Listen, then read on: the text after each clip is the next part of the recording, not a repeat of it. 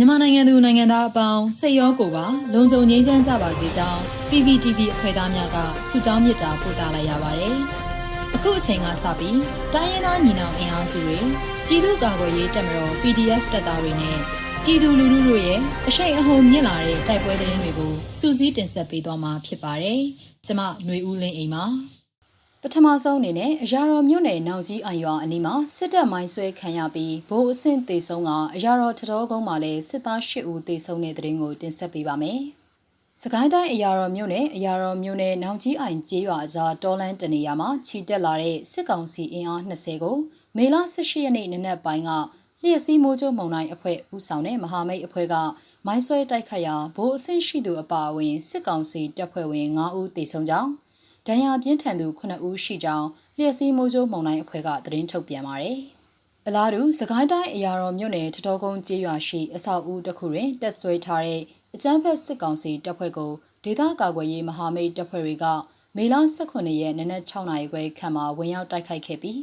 စစ်ကောင်စီဘက်မှဗိုလ်အဆင့်ရှိသူတအူအပါအဝင်၈ဦးထပ်မံတေဆုံးကြောင်းကာကွယ်ရေးမဟာမိတ်တပ်ဖွဲ့ဘက်မှရဲဘော်၄ဦးဒဏ်ရာရကြောင်းချင်းတွင်း Attack Force ကသတင်းထုတ်ပြန်ထားတာပါ။ စစ်ကောင်စီတပ်ဖွဲ့ကိုမုံရွာခရိုင်တပ်ရင်း3တပ်ခွဲ3ဂလုံနဲ့ PDF နဲ့မဟာမိတ်တပ်ပေါင်းစုကဝင်ရောက်တိုက်ခိုက်ခဲ့ခြင်းဖြစ်ကြောင်းသိရှိရပြီးကာကွယ်ရေးမဟာမိတ်ရဲဘော်၄ဦးဒဏ်ရာရရှိခဲ့ကလက်နက်အင်အားမများတာမှုကြောင့်ပြန်လည်ဆုတ်ခွာခဲ့တယ်လို့ချင်းတွင်း Attack Force ထံမှသိရှိရပါတယ်။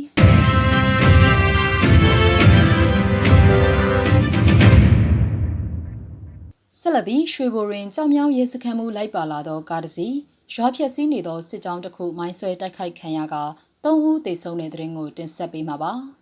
စကိုင်းတိုင်းရွှေဘိုမြို့နယ်အတွင်းရှိကြောင်မြောင်းရဲစခန်းမှုလိုက်ပါလာတဲ့ကားတစ်စီးကလမလက်ကောက်ကျရွာကိုမိရှို့ဖျက်ဆီးခဲ့တဲ့စစ်တပ်စစ်ကြောင်းကိုဒေသခံကာကွယ်ရေးတပ်ဖွဲ့တွေကပြစ်ခတ်မိုင်းဆွဲတိုက်ခိုက်ခဲ့ပြီးစစ်ကောင်စီတပ်ဖွဲ့ဝင်၃ဦးသေဆုံးခဲ့ကြောင်းနတ်တောင်နဂါပြည်သူ့ကာကွယ်ရေးတပ်ဖွဲ့ထံမှသိရပါဗျ။ရွှေဘုံနဲ့အရှိချမ်းတအုံရွာအရှိဘက်ကျွန်းတော်ကြီးအနီးမှာမေလ16ရက်နေ့မွန်းလွဲ12နာရီခန့်ကကြောင်မြောင်းစခန်းမှုလိုက်ပါလာတဲ့မတ်ဒူကာကို ဒေသခံကာကွယ်ရေးတပ်ဖွဲ့တွေကရှေ့ထွက်မိုင်းလေးလုံးနဲ့ဖောက်ခွဲတိုက်ခိုက်ခဲ့ပြီးကားပေါ်လိုက်ပါလာသူတွေထိခိုက်ဒေဆုံးမှုရှိမရှိကိုအတိမပြုနိုင်သေးပါဘူး။ကလမလက်ကောက်ကြရွာကိုအကြမ်းဖက်စစ်တပ်ကမေလ18ရက်နေ့မှာကြေးရွာအတွင်းရှိမီးလောင်ကျွမ်းခြင်းမရှိသေးတဲ့ပြည်သူပိုင်းနေအိမ်တွေကိုစစ်ကားလေးစီးနဲ့ထပ်မံရောက်ရှိလာပြီးမီးရှို့ဖျက်ဆီးကပြည်သူပိုင်းပစ္စည်းတွေလူရက်ယူဆောင်သွားပြီးကြေးရွာအတွင်းမှပြန်လည်ထွက်ခွာစဉ်ဒေသခံကာကွယ်ရေးတပ်ဖွဲ့တွေက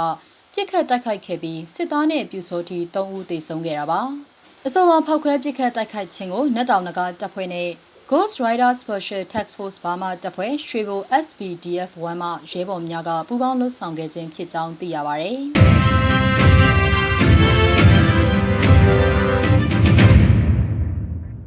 ဆက်လက်ပြီးရေစကြို၄ရက်တာတိုက်ပွဲမှာစစ်ကောင်စီဘက်မှ3ဦးထပ်မံတေဆုံးပြီးလက်နက်3လက်သိမ်းဆည်းရမိတဲ့တဲ့ရင်ကိုတင်ဆက်ပေးမှာပါ။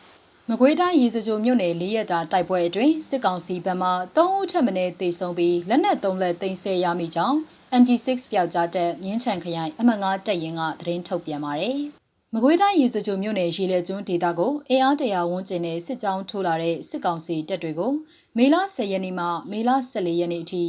MG6 ပျောက်ကြားတက်မြင်းချံခရိုင်အမှတ်၅တပ်ရင်းနဲ့ဒေသကာကွယ်ရေးတပ်တို့ကတိုက်ခိုက်ရာ တိုက်ပွဲဖြစ်ပြီး MG6 ပျောက်ကြားတပ်ကပစ်ခတ်တဲ့စနိုက်ပါကြီးထိမှန်ပြီးစစ်သား3ဦးသေဆုံးကြောင်းထိတိုက်တိုက်ပွဲအတွင်းစစ်တပ်ဘက်မှသေဆုံးမှုများစွာရှိကြောင်းသိရှိရတာပါ။ဒါအပြင် G3 တနက်တလက်94တနက်2လက်ရဲယူနီဖောင်းတစ်စုံ equipment တစ်စုံ94 G ပေါက်9ခု 9mmG 52တောင် G3G 23တောင်လက်ပစ်ဘုံသီးတစ်လုံးနဲ့အခြားအသုံးဆောင်ပစ္စည်းတချို့တင်ဆက်ရမိကြောင်းသိရှိရပါတယ်။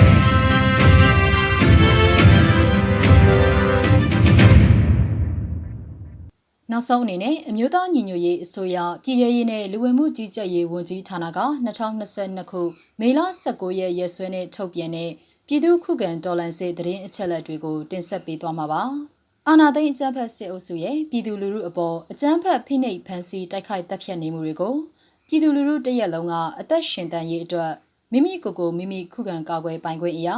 ပြည်သူ့ခုခံစစ် People's Defensive War ကိုဆင်နွှဲလျက်ရှိပါတယ်။ သတင်းအချက်အလက်များအရ18ရက်5လ2022ရက်နေ့မှာစစ်ကောင်စီတပ်ဖွဲ့ဝင်83ဦးသေဆုံးပြီးထိခိုက်ဒဏ်ရာရရှိသူ35ဦးအထိခုခံတိုက်ခိုက်နိုင်ခဲ့ပါတယ်ဆီယနာရှင်စနစ်မြမမြေပေါ်မှာအပီးတိုင်ချုပ်ငြိရေးနဲ့ Federal Democracy တည်ဆောက်ရေးအတွက်ငင်းချမ်းစွာဆန္ဒပြတဲ့လူလူတပိတ်တိုက်ပွဲများကပြည်내နဲ့တိုင်းဒေသကြီးများမှာဖြစ်ပွားပေါ်ပေါက်လျက်ရှိပါတယ်။မြေပြင်မှာယခုတွေ့ရတဲ့သတင်းအချက်အလက်များထက်ပို၍ဖြစ်ပွားနိုင်ပါတယ်ရှင်။